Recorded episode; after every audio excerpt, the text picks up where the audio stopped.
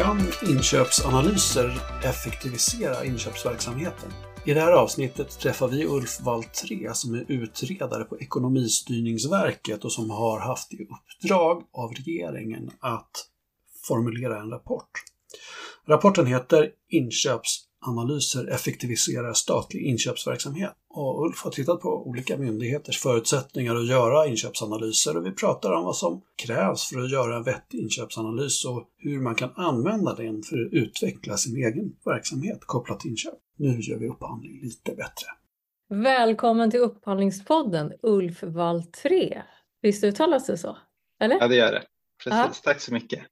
Vad kul att ha dig här från Ekonomistyrningsverket. Välkommen! Berätta, vem är du? Eh, jag heter Ulf och har jobbat på Ekonomistyrningsverket sedan i augusti 2022. Så jag är ganska ny på myndigheten. Jag har en bakgrund på bland annat Tillväxtverket och på tankesmedjan SNS och även kortare perioder i EU-parlamentet och som ledarskribent. Och innan dess har jag studerat och har examen i idéhistoria, ekonomi och policyanalys. Och hur hamnade du på Ekonomistyrningsverket? När jag läste, eller började läsa policyanalys så, så var det egentligen med det stora intresset av, av den här lite annorlunda, konstiga, osynliga typen av politisk fråga och Eh, samhällsanalys som handlar om hur, hur staten egentligen jobbar, vilka olika sätt som man kan eh, utveckla det och effektivisera och förbättra statliga verksamheten. Och det är ett intresse för mig för att jag tycker om att sätta mig in i mycket olika frågor och gillar att lära mig nytt och leta efter nya svar som kanske inte är helt eh, givna och där man får fundera och arbeta på lite olika sätt för att hitta de svaren. Det var en naturlig plats att söka sig till eftersom det är mycket det som vi jobbar med på enheten för statlig styrning som jag jobbar på. Och du är också huvudförfattare nu till Ekonomistyrningsverkets rapport eller utredning som heter Inköpsanalyser effektiviserar statlig inköpsverksamhet. Ja, precis. Eh, jag var projektledare för eh, den utredningen som kom som ett regeringsuppdrag från Finansdepartementet och det var jag tillsammans med tre kollegor som gjorde utredningen och författade rapporten. Vad handlar den om? Vårt uppdrag som det var skrivet från regeringen var att undersöka hur inköpsanalyser kan effektivisera statlig inköpsverksamhet. Och så fanns det också en öppning för oss att lämna förslag på sånt som kan effektivisera statlig inköpsverksamhet. Så vi satte därför ut med att undersöka vad eh, som utgör den statliga inköpsverksamheten, vad som är det mest väsentliga att titta på, ehm, hur det skiljer sig ut mellan olika verksamheter, hur det kanske skiljer sig åt mellan myndigheter som är olika stora, vad som utgör effektivitet och också såklart grundfrågan eh, hur inköpsanalyser kan bidra till ökad effektivitet. Och en viktig fråga för oss var också att ställa oss vad inköpsanalyser är för något, för det var inte helt självklart och vi fick lägga en del arbete på att eh, ta reda på svaret på den frågan. För ni definierar ju upp eh, inköpsanalys i den här rapporten. Kan du inte förklara lite vad ni anser att en inköpsanalys är? När vi pratade med lite olika branschfolk och eh, inköpare på olika myndigheter så fick vi inte helt entydiga svar. Och det berodde ju i hög grad på hur man arbetar med att följa upp sina inköp. Skiljer sig åt beroende på vilka behov eh, man har i sin verksamhet. Den mest grundläggande formen av uppföljning brukar eh, an anses vara spendanalysen och det var någonting som en del av dem vi pratade med menade var en inköpsanalys och också det som Upphandlingsmyndigheten myndigheten har beskrivit på sin, på sin hemsida. Men vissa aktörer som vi pratar med, särskilt de, de allra största myndigheterna, eh, hade flera olika typer av analyser och uppföljningar såsom leverantörsmarknadsanalys eller ett eh, avancerat implementerat kategoristyrningsarbete. Vi såg, ingen vi såg ingen anledning att avgränsa bort andra delar och andra typer av analyser när eh, det var så uppenbart att den typen av analyser kunde bidra till stor nytta, även om den inte var lämplig för alla. Ja, just det. Du sa att det var det mest de stora som hade mer avancerade analyser och sådär. Finns det någon myndighet som är väldigt avancerad inom området? Den som sticker ut allra mest och som också har absolut störst volym och som har ett särskilt särskild eh, instruktion att, att följa upp sina inköp, det är ju Trafikverket och de är ju på många sätt en klass för sig. Ehm, de har jobbat med de här frågorna i om, åtminstone 10 eller 15 år och har ju givetvis en volym i sina inköp som vida överstiger nästan summan av resterande. Men den är ju mycket stor i nivån. Det beror på hur man räknar, men i nivån 60 miljarder. Vi kunde också se att Arbetsförmedlingen och Skatteverket var myndigheter som stack ut i ambitionsnivå och också förmåga givet deras eh, storlek och verksamhet. Jag tänker att vi kanske behöver reda ut vad en myndighet i det här avseendet är. För enligt LOU så finns ju något som man kallar för upphandlande myndighet. Alltså det här är ju en mer avgränsad del eller myndighet. Jo, absolut. Och, och vi, vårt uppdrag var att titta på statliga myndigheter och då avgränsade vi oss mot de myndigheter som ingår i den statliga redovisningsstrukturen. Jag tror att det är 216 eller 220 myndigheter. Så det har inte varit aktuellt för oss att titta på ja, kommuner, regioner, statliga bolag heller kanske egentligen eftersom det är en annan typ av organisation som inte var fokus i vårt uppdrag. Och de här då lyder under myndighetsförordningen, eller hur? Ja, precis. Hur många personer ungefär handlar det om? Anställda? Ja, men eh, om du säger 220 myndigheter ungefär, för jag vet att vissa myndigheter är väldigt små och vissa är, som Trafikverket är ju ganska stora. Ja, jag har inte en exakt siffra, men um, jag skulle väl tro att det är ungefär 250 000 som är anställda på de här myndigheterna. Det finns ju varje statlig utredning och nämnd är ju definitionsmässigt en egen myndighet, men de kanske är deltidsanställda eller tillfälliga eller på andra sätt inte riktigt det kanske vad vi tänker på när vi tänker på en myndighet som Livsmedelsverket eller Polismyndigheten eller en domstol. Eh, och i volym då kan man säga, har du någon totalvolym för alla om Trafikverket har 60 miljarder? Ja, jag tror att det är väldigt svårt att ha exakta siffror och beroende på hur man räknar så dyker det upp lite olika siffror. Men jag tror att den totala volymen för staten är omkring 200-220 miljarder. Vi kunde se på, på Trafikverket att eh, enligt våra siffror som vi kunde hämta hem med hjälp av våra kollegor på statsredovisningen att eh, Trafikverkets konsumtion uppgick till drygt 100 miljarder men deras egna siffror angav deras inköp till ungefär eh, då 65 eller 67 miljarder. Så siffrorna skiljer sig lite åt och det är inte alltid eh, så enkelt att ut, utreda ja, hur och varför men det, det, är inte jätteviktigt. Det var inte jätteviktigt heller i vår utredning. Nej, ja, men det är jättebra att få ett grepp om ungefär hur, var, hur stora volymer det handlar om och hur många det är och, så man förstår ungefär vidden av det här. För uppenbarligen så är det ju mycket pengar och det är många berörda. Absolut. Vad säger man själva då, var man, varför man tycker att den här analysen är viktig? Kan man, har man liksom kunnat kvantifiera vad vinsterna är? Kvantifieringen har i nästan alla fall lyst med sin frånvaro. Det har inte varit något som är um, prioriterat i de flesta myndigheterna utan det har mer handlat om att få ut så mycket nytta, så mycket verksamhet, så mycket produkt och kvalitet ur pengarna som möjligt. Och vi efterfrågade också nyckeltal och olika typer som de vi intervjuade och, och pratade med följde upp sina inköp kvantitativt för att kunna se förbättringar. Men det, det var väldigt sällan de, de angav effektiviseringar och förbättringar på, på det sättet.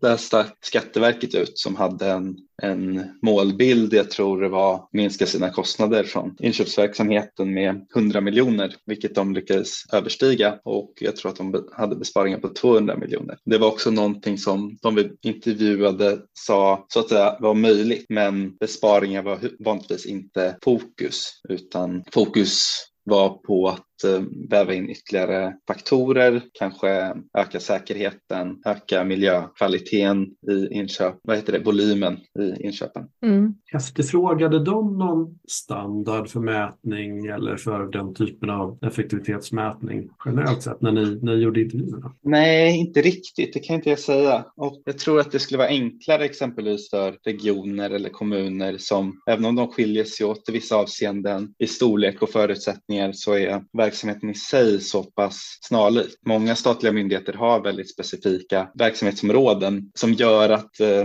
jämförbarheten ofta blir väldigt begränsad. Den minsta gemensamma nämnaren är i många fall inte så stor. Men hur ska man tänka då kring, för vi pratar lite kring effektivitet, Vad, hur ska man tänka kring effektivitet och hur har ni tänkt där? Vi har ju fått eh, ja, lite olika svar som, som på många sätt varit snarlika och eh, som återkommit från olika myndigheter. Och det är ofta ganska fundamentala aspekter. Det är inga konstigheter egentligen. De uttryck för effektivitet som myndigheterna gav var exempelvis att eh, rätt vara var på plats, att, att de varor och tjänster som de köper in motsvarar myndighetens behov, att eh, de administrativa processerna sitter och att det inte medför onödigt extraarbete. Ehm, effektivitet kunde också vara, vilket kanske låter lite motsägelsefullt, eller inte motsägelsefullt, men inte riktigt det man tänker sig, att eh, effektivitet också kan vara att myndigheterna eh, följer lagen och inte exempelvis bryter mot direktupphandlingsregler som kanske var den, den mest återkommande angivna så att säga, regel, regelbrottet och där särskilt just den fundamentala spännanalysen gjorde det ganska lätt att eh, se det som annars var väldigt svårt att bedöma om myndigheten handlade på ett sätt som, som bröt mot de reglerna. Men det var ofta ganska ja, diffusa uttryck för effektivitet också som att eh, det fanns effektiva processer och att samverkan fungerade och att eh, inköpsfunktion och sakverksamhet myndigheterna förstod varandra och eh, kunde kommunicera på ett tydligt och effektivt sätt med varandra. De eh, myndigheter som hade väl implementerade kategoristyrningsarbetssätt ja, gav ju uttryck för det och eh, hade ofta ganska väletablerade organisationer där eh, kategoristyrningsledare drev arbetet och hade med sig ledningen och representanter för olika sakverksamheter för att lyssna in behoven och också ha med ledningens perspektiv på vad myndigheten ska prioritera på ett sätt som gjorde att hel, hela myndigheten fanns med i samtalen och eh, bidrog till att ja, in, inköpen kunde ske på ett sätt som var rätt för myndigheten och inte ja, missade väsentliga perspektiv. Det kunde vara juridiska perspektiv, IT-säkerhet eller någon kompetens som vissa delar av sakverksamheten kanske kände till men inte hade ett effektivt forum för att förmedla. När du nämner kategoristyrningsarbetet som fanns på en del myndigheter, kunde man se själva kategoriseringen, liknar den varandra? Nu sa du ju nyss att myndigheterna hade så väldigt olika uppdrag, så vissa saker kommer inte ha ett överlapp. Men där man ser så basverksamheten, finns det någon standard egentligen för kategorisering? Alltså, det finns ju en standard för hur man ska arbeta fram det, men den standarden är ju väldigt öppen för att det ser så olika ut.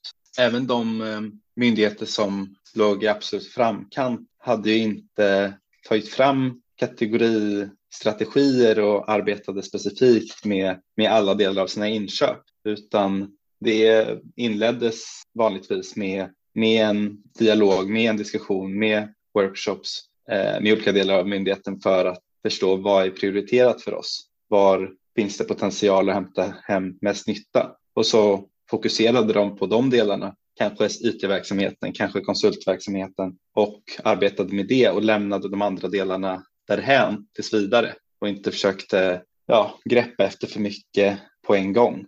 Och eh, det kan man ju säga generellt att eh, ja, börja med det som är viktigast. Börja med det som har potential att skapa mest värde för er. Men ja, utgångspunkten är, måste vara att eh, det ser olika ut på olika myndigheter och man måste själva tänka ut vad som är rimliga syften och rimliga mål. Uh, de går inte att hämta utanför. Mm. Jag tycker det är lite svårt.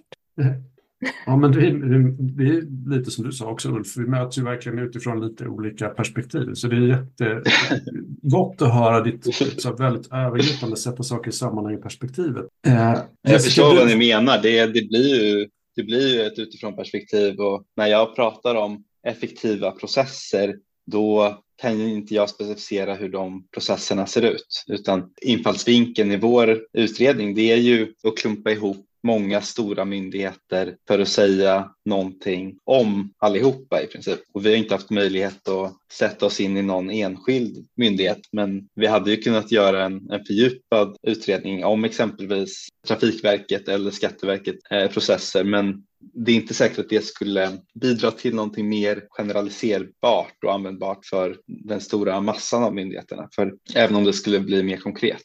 Men ni har ju faktiskt delat upp i typmyndigheter som A, B och C. Kan du inte mm. berätta lite om dem och varför ni delar upp dem på det viset som ni gjorde? Ja, vår ambition med, med att göra det var just att eh, tydliggöra eftersom det inte och arbetet kategoristyrt. Ja, pratar man med vissa frälsta i branschen, vi, vi fick delta exempelvis ett kategoristyrningsnätverksmöte, så, så skulle de säga att det här är ett arbetssätt som, som passar egentligen för alla. Men det är inte så lätt om man sitter som ensam upphandlare på en myndighet att få gehör för det här eller frigöra tid för att utveckla det arbetet. Så det, det vi såg var väl att eh, det, det, finns ett behov av att segmentera upp det här lite tydligare. Och eh, den här modellen som vi tog avstamp i hittade vi i ett material från Upphandlingsmyndigheten för att visa på olika grader av mognad i inköpsanalysarbetet eller inköpsmognad tror jag att de använder som begrepp. Och eh, man kan göra väldigt mycket analys, man kan göra väldigt mycket uppföljning men någonstans så blir det också för mycket. Och någonstans blir det också lite för ambitiöst och vi ville visa på att det går att sätta igång det här arbetet. Det går att hämta hem vinster i viss utsträckning även om man är en ganska liten myndighet. Men däremot ju mer komplexa inköp man har, ju mer kompetens man besitter internt och eh, ju större inköpsvolym man har, desto mer motiverat är det att eh, öka ambitionen och, och arbeta på ett mer avancerat sätt med ja, olika tillvägagångssätt för att utveckla sina inköp. Vinner man på att eh, formulera mål också för själva analysen eller så, så syfte och mål med, med just vår eh, inköpsanalys? Eh, är det en, ser man att man har gjort det, att man har lagt det på någon lagom ambitionsnivå eller har man Alltså en del har gjort det, men jag, och det, det är inget vi frågade särskilt om, så jag, jag bottnar inte helt och hållet i det. Men jag upplever att målarbetet är, lämnar en, en del att önska. Att, eh, jag upplever att det är ganska mm, otydligt i många fall. En kollega från Upphandlingsmyndigheten betonade att det behöver inte vara så krångligt och man behöver inte gå på alla puckar samtidigt. Och myndigheten har ju mål och de borde vara styrande. De borde vara ledande. Men sen måste ju det för inköpsverksamheten operationaliseras. Men, och det är inte säkert att man har med sig ledningens intresse som för att engagera i de här frågorna. Men det finns den nationella upphandlings strategin och den ger vägledning. Och sen finns det ja, mål från riksdag och det finns mål från regering. Det är inte självklart vad man ska hugga på och det är inte självklart vad man kan eh, få ut för nytta i sina inköp. Det beror ju helt på vilken verksamhet man har, men om man påbörjar och genomför ett, ett arbete med att operationalisera de målen, då, då borde det vara möjligt att ta fram en inköpspolicy som, som visar på vad man ska prioritera. Men om man försöker göra allt samtidigt med social hållbarhet och miljö och kvalitet och pris, då är det inte säkert att det blir så bra upphandlingar av det. Nej, för det har ju varit en fråga längre tillbaka i tiden också, så här, upphandlingen som verkställighet av eh, politiska mål till exempel. Och vad det gäller just eh, klimat och eh, hållbarhetsmål har ju varit så här, de goda exemplen på hur man mm. kan jobba med påverkan. Men eh, du nämnde Upphandlingsmyndigheten också. Finns det något samarbete mellan Ekonomistyrningsverket och Upphandlingsmyndigheten? Är det, vi som Nej. upphandlare går väl till dem och frågar om råd, så att säga. Det är där mycket av verktygslådan finns numera. Liksom. Mm. Nej, men i, I vårt uppdrag så var Upphandlingsmyndigheten utpekade som en av fyra myndigheter. Utpekade var också eh, DIGG och eh, Kammarkollegiet och en fjärde myndighet som jag inte kommer på just nu. Och vi hade ju mycket samråd med med dem, stämde av våra slutsatser och fick eh, synpunkter på vår design av utredningen och också på det färdiga utkastet. Och Upphandlingsmyndigheten var en myndighet som vi hade kanske särskilt mycket kontakt med för att de arbetar mest konkret med, med de här frågorna som vi tittar närmare på. Men Ekonomistyrningsverket har ju inte något egentligen fortsatt arbete med, med de här frågorna utan det var ett, ett regeringsuppdrag som var avgränsat och vi fortsätter ju inte samverka med, med Upphandlingsmyndigheten på, på någon löpande basis. Jag vill gärna dyka ner i den här inköpsanalysen vad det, mer, vad, vad, vad det är, liksom mer specifikt och eh, vilken detaljnivå man ska hålla sig på. Så där. För då, det man nämner i den här definitionen är ju till exempel hur inköpsvolym, antal leverantörer, antal transaktioner fördelar sig mellan olika inköpskategorier och de organisatoriska enheterna. Men kan inte du beskriva lite vad det är man stoppar in och vad som kommer ut? Alltså den, den frågan om, om hur spännanalysen går till och, och hur den ser ut, det, det är inget jag har jobbat specifikt med, utan jag har mest fått höra hur myndigheterna själva arbetar med det här och eh, hur de anger att det kan bidra till ökad effektivitet. Men, Men då menar du att spändanalysen skulle kunna tolkas som en inköpsanalys, men samtidigt så skulle man kunna se det som ett vidare begrepp med inköpsanalys.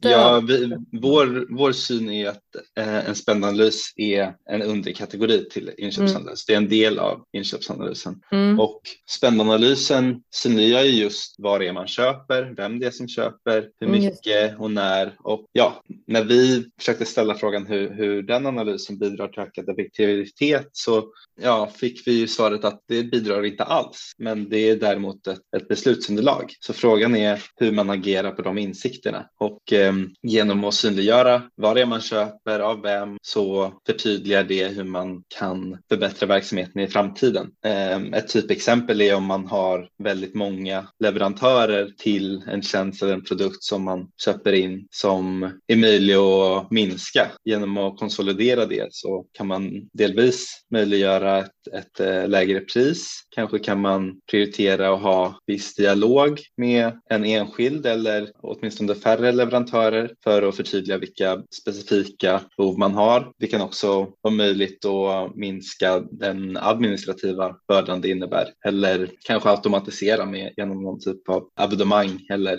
någon annan typ av automatisering. Det kan också synliggöra ja, fundamentalt vilka inköp det är som sker och eh, i enlighet med filosofin i kategoristyrningsarbete så kan man ju också se vad som är väsentligt att lägga fokus på. Många saker kanske är helt i sin ordning och inte kräver så mycket uppmärksamhet. Men analysen kan bidra till att eh, synliggöra vad, vad det finns för områden som har störst potential. Mm. Men utöver spändanalysen då? Vad, vad, kan man stoppa in mer för? Har du några exempel på vad andra har gjort utöver det som hamnar inom inköpsanalysbegreppet? Ja, och, och, men det ett exempel som, som vi tittar på som vi i, inte bedömer är relevant för alla och det, det beror helt på vilken verksamhet man har men det är ju eh, leverantörsmarknadsanalysen och eh, vissa myndigheter, särskilt kanske som vi pratar med som Skatteverket och nej förlåt, Arbetsförmedlingen och eh, Trafikverket var ju i vissa delar en helt dominerande köpare eh, på sin marknad. Eh, exempelvis arbetsmarknadstjänster i exemplet Arbetsförmedlingen eller olika typer av anläggnings vad ska man säga, anläggningsproduktion eller anläggningsservice eller vad det nu kan vara i, i fallet med Trafikverket. Och för dem så blev det, eller så är det väldigt viktigt då att förstå hur marknaden ser ut, eh, delvis i allmänhet men också ur eh, leverantörens perspektiv. Vad som utgör en, en god affär för dem, vilka, vad som är drivande för deras kostnader. Det är en eh, ja, väsensskild inköpsmarknad från att köpa datorer eller olika typer av enkla tjänster där det är en, en effektiv marknad som existerar kanske globalt eller, eller eh, som finns i varje större stad eller vad det nu kan vara. Mm, precis, för marknaden blir väldigt beroende av de som beställer då i vissa. Precis. Ja, men precis.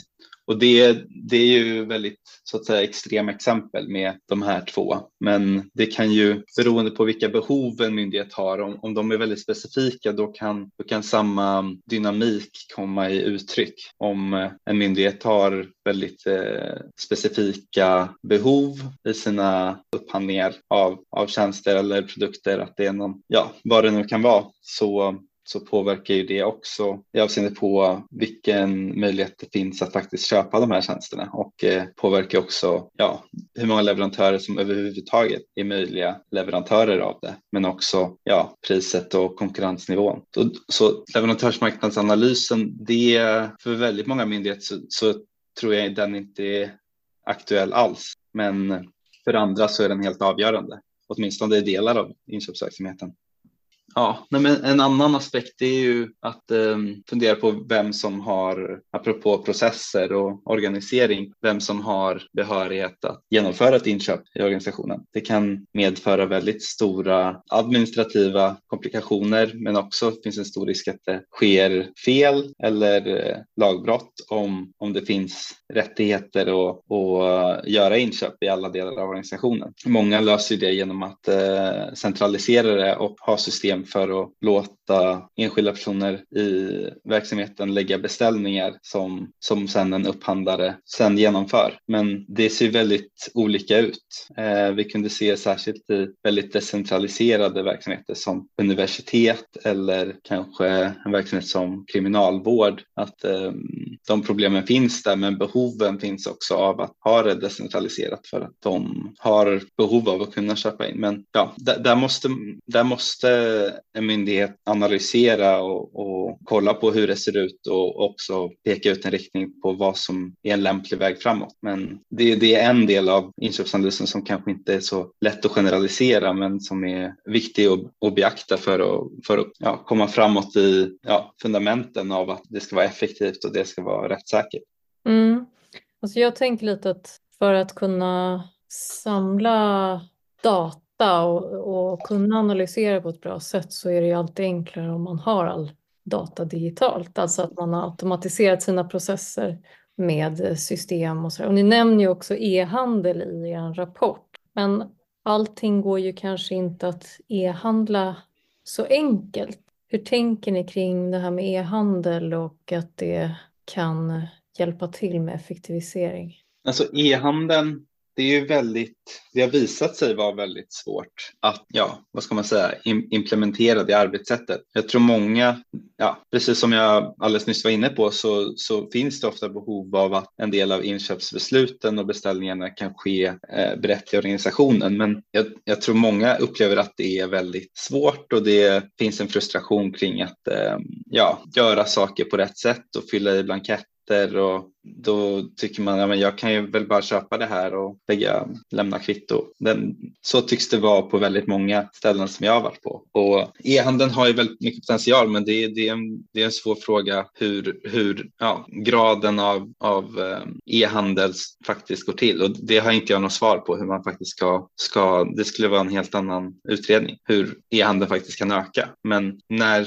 inköpen sker mot e-handel då är det ju väldigt mycket som blir enkelt enklare i uppföljningen och administrationen. Frågan om hur man kan koppla en faktura mot ett avtal eller hur eh, informationen kommer in ordentligt i, i datasystemen på ett sätt som gör det enkelt att följa upp och analysera fakturor och datamängder av olika slag sker ju automatiskt eller kan ske automatiskt på ett helt annat sätt om inköpen sker mot eh, e-handel så att rätt data och, och rätt metadata kommer på plats på en gång. Det är verkligen inga enkla frågor, delvis att förändra de beteendena men också få fram rätt, rätt system och rätt program.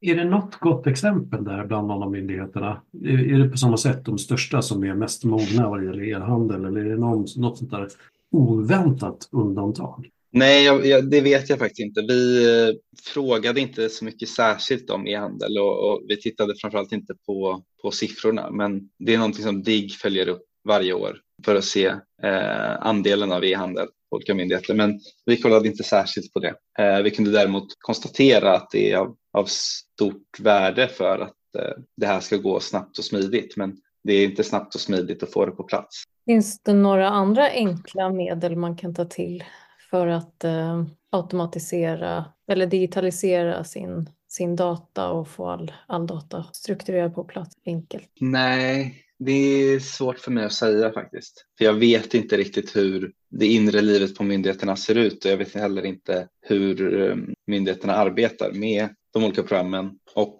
ja, den tekniska sidan med, med program och, och metadata har inte jag så bra koll på. Så jag har svårt att säga det.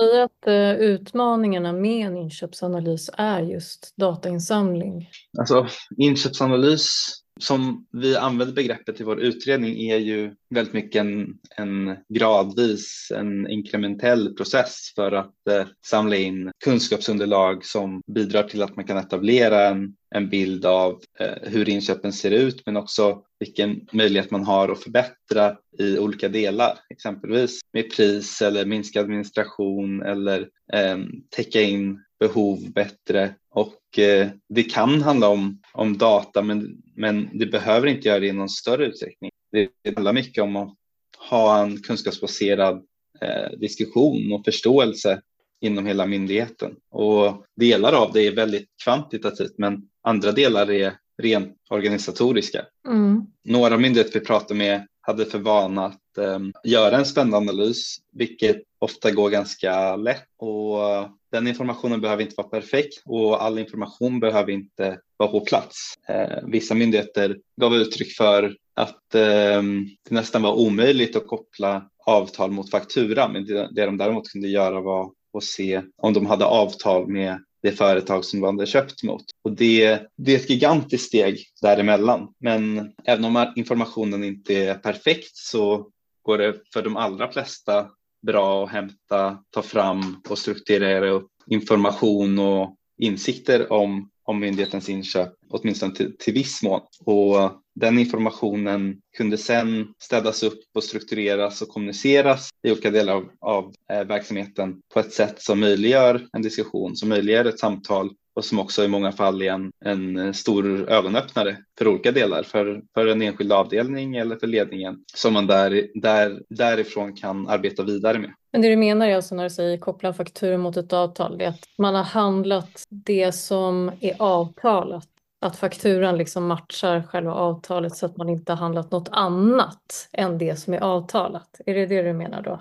Ja, precis. Ja, men att man har ett avtal med den leverantören, det är ju en ganska enkel koppling att se. Då. Mm. Men sen så kan man ju ja, precis, samla all den här informationen för den leverantören då, ta diskussionen vidare och titta på vad är det egentligen som vi handlar och hur jobbar vi med det här? Är det så du menar? Ja, precis. Det är, mm. Den ena är väldigt lätt att ta reda på men den andra var för de allra flesta jätte, jättesvår och krävde manuell handpåläggning eller titta kanske faktura för faktura. Och den här informationen fanns inte alltid tillgänglig så att det gick att på något automatiskt sätt genom, genom eh, ja, programmen ta fram. Eh, till exempel vad, är, vad uppgår fakturorna som vi köpt mot det här avtalet. Mm. De kunde däremot se hur mycket, vilka avtal de hade och eh, hur mycket de köpt från ett visst företag. Men mm. det, i många fall var inte det samma sak. Ja. Delade eh, myndigheterna någonting av de här analyserna med varandra eller är det, är det inrapportering till DIGG, till Digitaliseringsmyndigheten som är sammanhållande faktor? En del myndigheter har ju eh, samverkan och ett utbyte i form av nätverk, men annars, annars har de väl inte det. Och jag tror att det finns ett väldigt stort värde av det. Om exempelvis typmyndigheterna A, som är de allra minsta, om de kunde arrangera ett, ett eh, nätverk eller en workshop eller en konferens och, och prata ihop sig om vilka deras utmaningar är och vilka som vilka vägar framåt som, som de ser som möjliga för att få igång ett arbete givet deras förutsättningar så tror jag att det ska vara väldigt, väldigt värdefullt. Just för att jag tror att det är lätt för många att känna att deras verksamhet är speciell och jag har inte tid och jag förstår inte hur jag ska börja och ledningen är inte så intresserad eller förstår vad jag ägnar mig åt. Ja, det är inte så lätt att veta exakt vilka nätverk som finns och inte finns och det eh, nätverk som vi fick träffa, de var ju alla på en väldigt avancerad nivå och hade jobbat med det här i ett antal år. Och det utbytet verkade ge väldigt mycket för att diskutera olika utmaningar. Jag tror inte att de på någon, i någon större utsträckning delar spändanalyser med varandra eller skickar ut eh, data för det är, inte, det är inte riktigt andra myndigheter som är intressenterna för det här utan intressenterna är i allra flesta fall interna. Det, det här är ingenting som, som eh, Upphandlingsmyndigheten tar del av eller regering eller någon annan uppdragsgivare utan det är någonting som används internt för att eh, kommunicera till sakverksamhet, till avdelningschefer, ledning, till ekonomi för att stärka ja, det interna arbetet. Men, men syftet med själva rapporten då, alltså uppdraget som ni fick, eh, att just ta reda på, men är inköpsanalyser effektiviserande och, och är det bra, är det vettigt? Eh, själva syftet liksom på i nästa steg då är det att man är i, alltså funderar på att ja, men är det någonting vi ska ställa krav på myndigheterna att göra eller är det någon typ av, vi vill bara ge rekommendationer att fortsätta mm. analysen och förbättra dem eller skippar helt eller är det någonting annat? Är det bara att man ville se myndigheternas utmaning eller vad liksom var grundsyftet? Ja, vi, vi hade ju möjlighet att lämna förslag och eh, vi såg inte att det var rätt väg framåt och, och reglera det här på något sätt och ställa krav på att myndigheterna ska jobba med det. Men vi, vi såg det däremot som eh, ett krav som redan finns genom särskilt myndighetsförordningen men också eh, i viss utsträckning förordningen om intern styrning och kontroll för att myndigheterna ska bedriva ett effektivt arbete, motverka korruption och andra delar där vi tyckte att det är ganska tydligt att inköpsanalyserna är ett avgörande verktyg för att det här ska kunna gå till. Eh, inköpen är ibland jättestora, ibland ganska stora, ibland väldigt små delar av myndigheternas omsättning och, och anslag och då är det egentligen, och för många är det ju det, men inte alla, egentligen en självklarhet att eh, ta tillvara de, de verktyg och metoder som finns för att se till att eh, man har förståelse och inblick i var skattemedlen går och att eh, det, det sker enligt de regler som finns. Mm. Ser du att, eh, att upphandlare bör ta del av den här rapporten också? Ja, det, det tycker, vi, tycker jag och vi i allra högsta grad. Vi lägger egentligen ganska, jag kommer inte ihåg hur, hur ut, stor utsträckning vi betonar det i rapporten, men jag tror att vi nämner det. Men vi lägger egentligen ett ganska stort ansvar på upphandlare och inköpare att eh, själva peka på nyttan av det här arbetet. En del kan de göra själva, men i andra fall så, så behöver de kommunicera och få med sig ledningen och andra delar av organisationen. Och vår ambition var att lämna ett kunskapsunderlag som gör det lättare att, och synliggöra hur eh, de här arbetssätten kan skapa nytta och värde i, i den enskilda organisationen. Men det, det är ett arbete som varje enskild myndighet ändå måste ta vid och, och sätta, sätta begrepp i hur, beroende på hur det ser ut hos dem och eh, vart de är idag. Eh, det skiljer sig åt givetvis väldigt, väldigt mycket. För det här, eh, även om den riktar sig till myndigheter så är det klart att det är ju även nyttigt för kommuner och bolagen att, eh, att ta del av den här informationen, tänker jag. Ja, men det tror jag verkligen. Jag tror inte, det skulle, jag tror inte rapporten skulle se så annorlunda ut om, om den så att säga var riktad till, till dem. Men vårt uppdrag och vår uppdragsgivare är ju väldigt tydlig och, och då blir också rapporten tydlig. Men det skiljer sig inte åt så mycket och det skiljer sig inte egentligen jättemycket åt skulle jag säga från kommersiella bolag. Men kommersiella bolag har det ju enklare i och med att deras uppdrag och mål i många fall är mer rättframt. Mm, det. det. är intressant. Jag tycker det är jätteintressant det du säger, alltså att, att egentligen ni har kommit fram till att analysen behöver inte vara perfekt för att du ska kunna se trender och kunna jobba åt ett håll och faktiskt jobba med att utveckla inköpsdelen.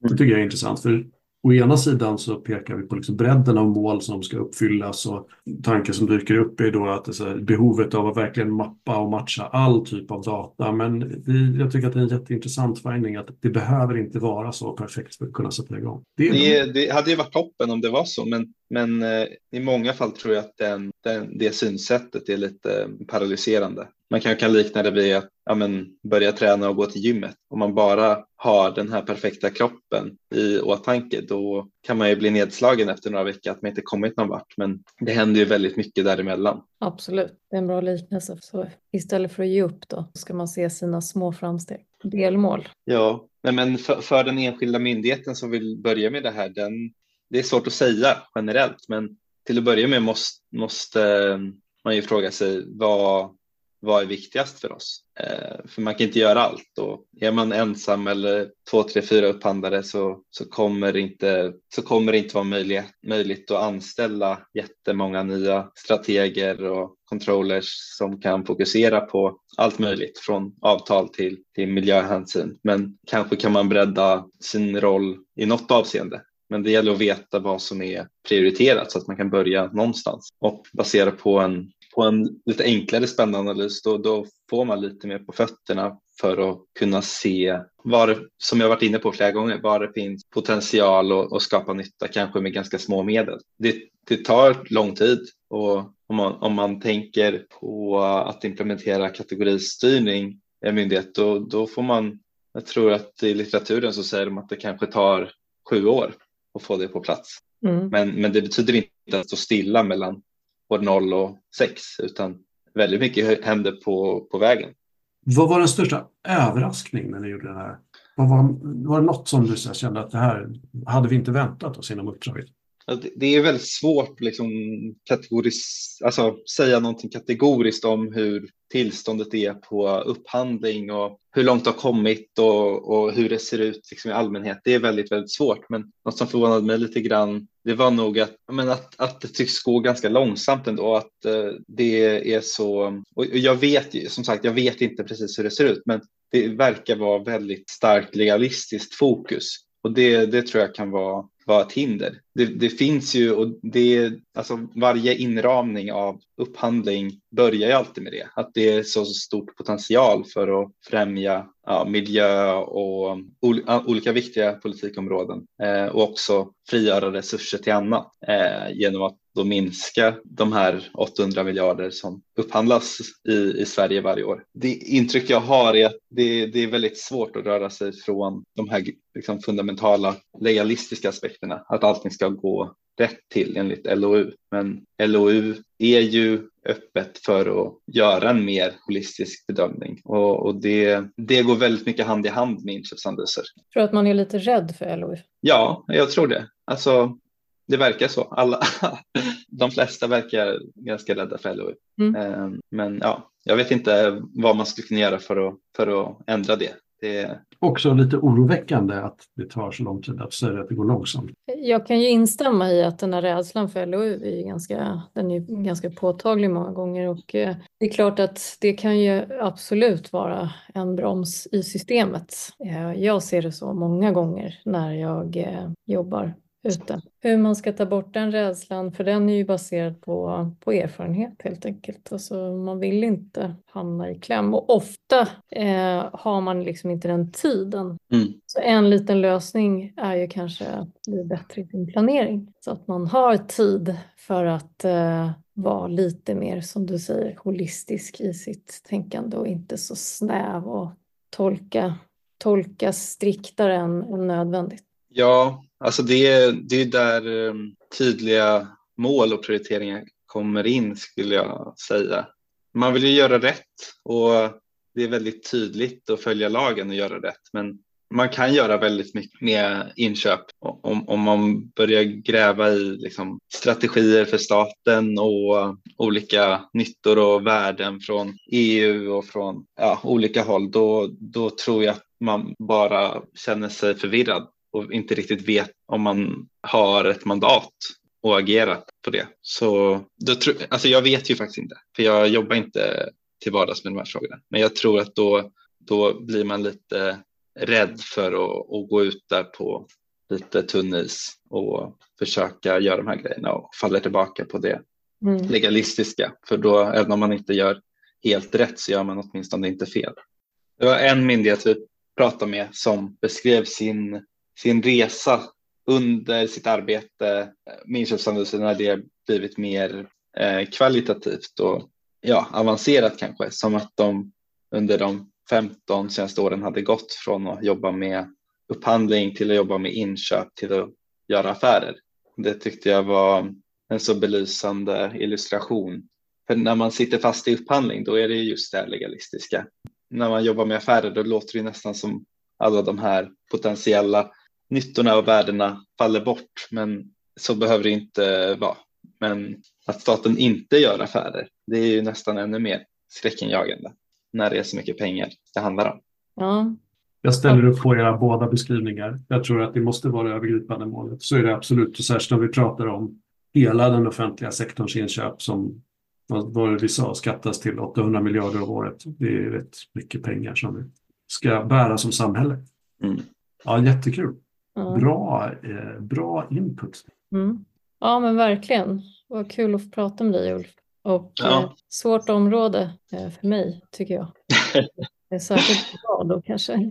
Ja, det är jättesvårt för mig också. Jag hoppas att, eh, hoppas att det var något, eh, något intressant och vettigt att komma ut ur det bara. Jag måste ju säga att eh, för att inte ha jobbat med upphandling och, och ge sig i kast med en sån här utredning, det är ju väldigt imponerande faktiskt måste jag säga. Och dessutom med inköpsorganisationer som kan vara ganska svår svårhanterliga ibland. Jag vet inte vad du har fått för bemötande, men jag hoppas att det har varit bra. Och det, eh, det i så fall är ju det en prestation i sig. Mm. Nej, man får inte vara för, um, för stolt eller rädd. Det är, det är bara att ställa massa dumma frågor. Mm. Mm. Eh, men det tycker jag är väldigt imponerande faktiskt. För att jag tror också faktiskt att det krävs att man inte kan så mycket. Nu när vi har pratat här idag Eh, och inte är så mycket i de här eh, begränsningarna i, på grund av sina rädslor, på grund av LOU och an, andra eh, regleringar.